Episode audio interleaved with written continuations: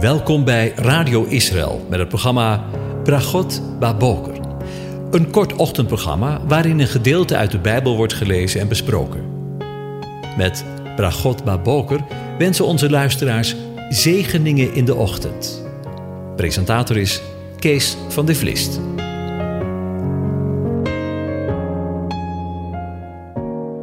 Goedemorgen, luisteraars.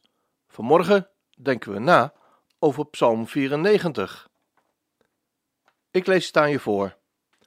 O God van alle wraak, Heere, God van alle wraak, verschijn blinkend. Rechter van de aarde, verhef u. Vergeld de hoogmoedigen naar wat zij verdienen. Hoe lang zullen de goddelozen, Heere, hoe lang zullen de goddelozen van vreugde opspringen, hun mond doen overvloeien, hooghartige taal spreken? Hoe lang zullen alle die onrecht bedrijven zich beroemen? Heren, zij verbrijzelen uw volk, zij verdrukken uw eigendom. De weduwe en de vreemdelingen doden zij, zij vermoorden de wezen en zeggen: De Heere ziet het niet, de God van Jacob, die merkt het niet. Let op, onverstandigen onder het volk. Dwazen, wanneer zult u verstandig worden? Zou hij die het oor plant niet horen? Zou hij die het oog vormt niet zien? Zou hij die de geheide volken bestraft niet straffen? Hij die de mens kennis bijbrengt?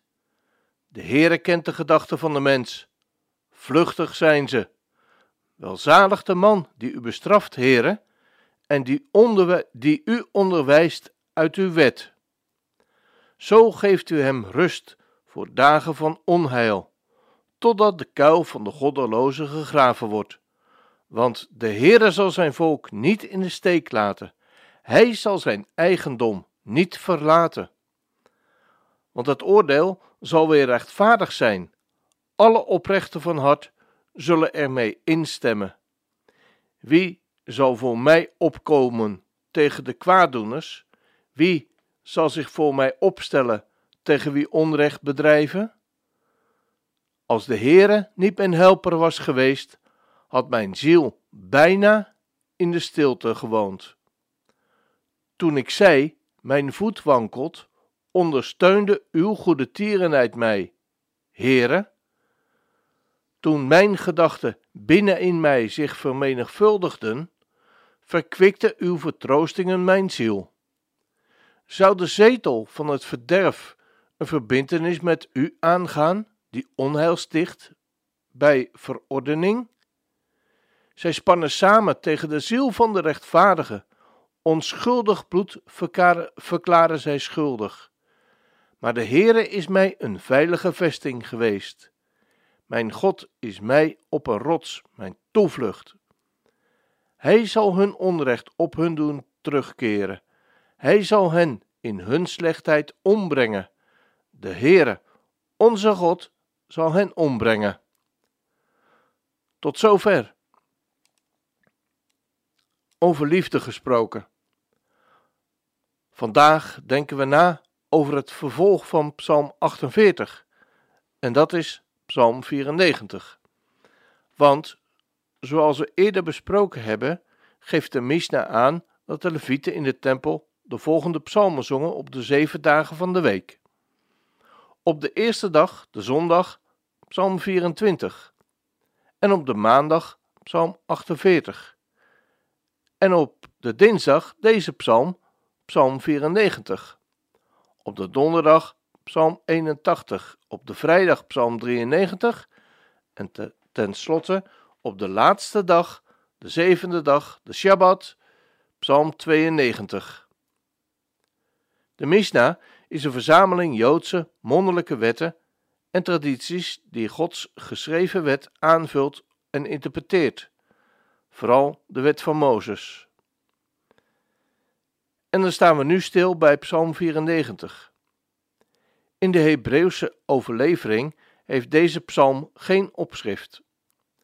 De Septuagint geeft dit wel en vermeldt een psalm van David voor de vierde dag van de week. De Talmud geeft aan dat deze psalm te gebruiken is bij het Loofhuttenfeest. Ik moet eerlijk bekennen dat ik het meer dan lastig vind om deze psalm te behandelen. Ik moet eerlijk bekennen dat het niet mijn woorden zijn die ik uitspreek in een gebed. God van alle wraak, Heere, God van alle wraak, verschijn blinkend, rechter van de aarde, verhef u, vergeld de hoogmoedigen maar wat zij verdienen. In het Oude Testament worden regelmatig zeer gewelddadige gebeurtenissen of straffen beschreven.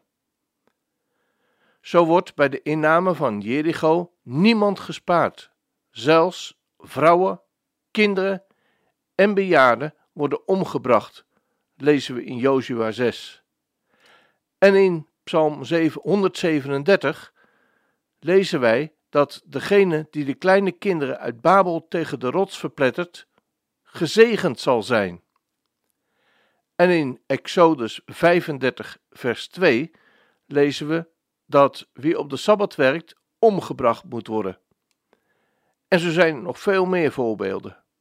Het Oude Testament kent gedeelten die in dat opzicht zeer gruwelijk aandoen en lijkt heel anders dan het Nieuwe Testament, waarin met name genade en vrede centraal staan.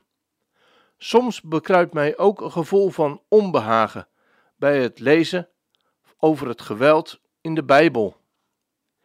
Ik hoop dat je mij gelooft dat het een persoonlijke worsteling is hoe om te gaan met de behandeling van deze psalm.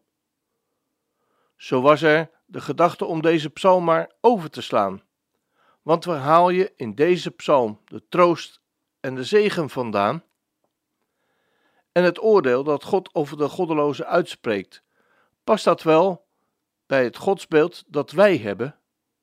En de veroordeling die de Heere over de goddelozen uitspreekt, laat mij niet onberoerd. En wie ben ik om de woorden van de Heere in dit programma maar over te nemen? Ik heb dierbare vrienden die de Heere God niet kennen. En ik moet er niet aan denken dat, zoals de psalm zegt, Hij zal hun recht op hen doen terugkeren. Hij zal hen in hun slechtheid ombrengen. De Heere, onze God, zal hen ombrengen. Verschrikkelijk. Ik moet er niet aan denken. Mijn vrouw Anja en ik bidden elke ochtend voor ze of de Heere God op de een of andere manier in wil grijpen in hun leven. En ik moet eerlijk bekennen dat deze vrienden in hun gedrag vaak een voorbeeld zijn voor mijn broers en zussen in het geloof. In vele opzichten kunnen we een voorbeeld aan hen nemen. In verdraagzaamheid, genegenheid, acceptatie of wat zij voor anderen doen. En toch, de woorden van Psalm 94 staan er wel. Snap je mijn worsteling? Toen ik daar iets van deelde met een bevriende gelovige broeder, met wie ik elke week een wandelingetje maak, kwamen we erachter dat er geen makkelijk antwoord te geven is. En ik hoop dat je in de worsteling meevoelt. Want stel je voor dat ons het lot van degene die God niet kennen koud laat. Dat kan en mag toch niet? We hebben ze alsjeblieft toch niet over voor de dood? De Heere, de schepper van hemel en aarde, heeft zijn schepsel, dat wat wie hij zelf gemaakt heeft, toch met heel zijn hart lief, en zouden wij hen dan over hebben voor de dood? En toch, zeker alsjeblieft niet eigen schuld, dikke bult. Alsjeblieft zeg. Ik moet denken aan zo ongeveer de meest geciteerde tekst in de Bijbel uit Johannes 3, vers 16. Want zo lief heeft God de wereld gehad, dat Hij zijn enige geboren zoon gegeven heeft, opdat ieder die in Hem gelooft niet verloren gaat, maar eeuwig leven heeft. Want God heeft zijn zoon niet in de wereld gezonden opdat Hij de wereld zou veroordelen, maar opdat de wereld door Hem behouden zou worden.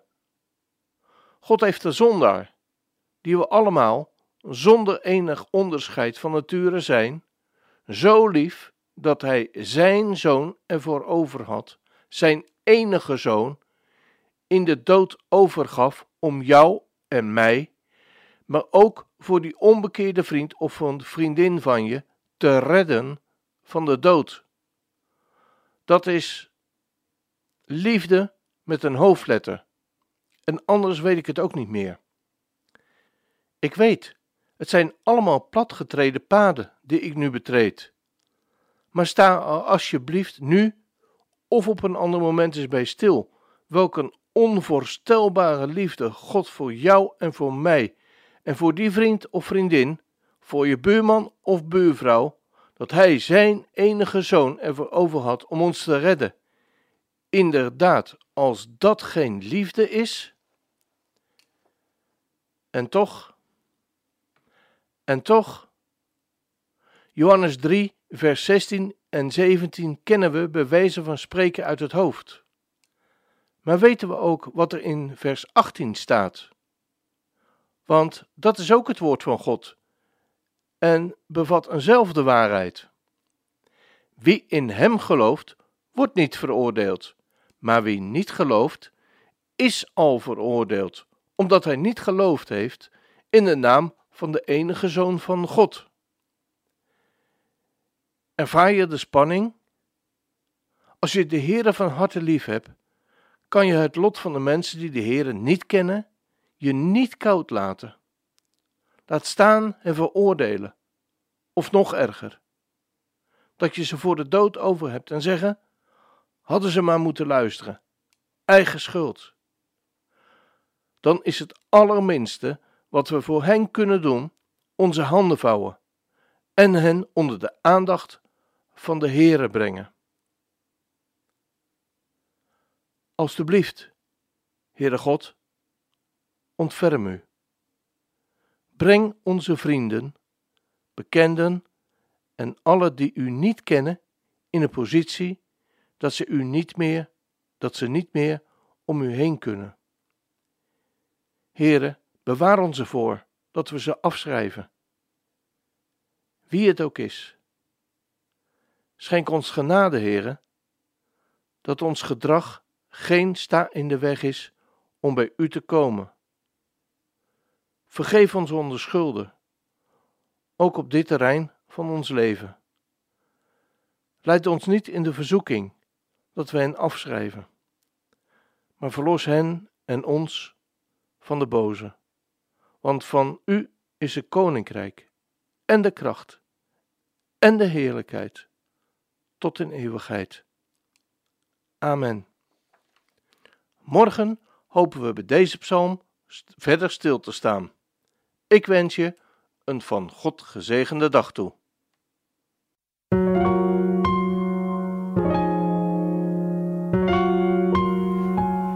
U hebt geluisterd naar het programma Bragot Baboker. Een kort ochtendprogramma waarin een gedeelte uit de Bijbel wordt gelezen en besproken. Wilt u het programma nog eens naluisteren, dan kan dat. Ga naar radioisrael.nl en klik onder het kopje radio op Uitzending gemist.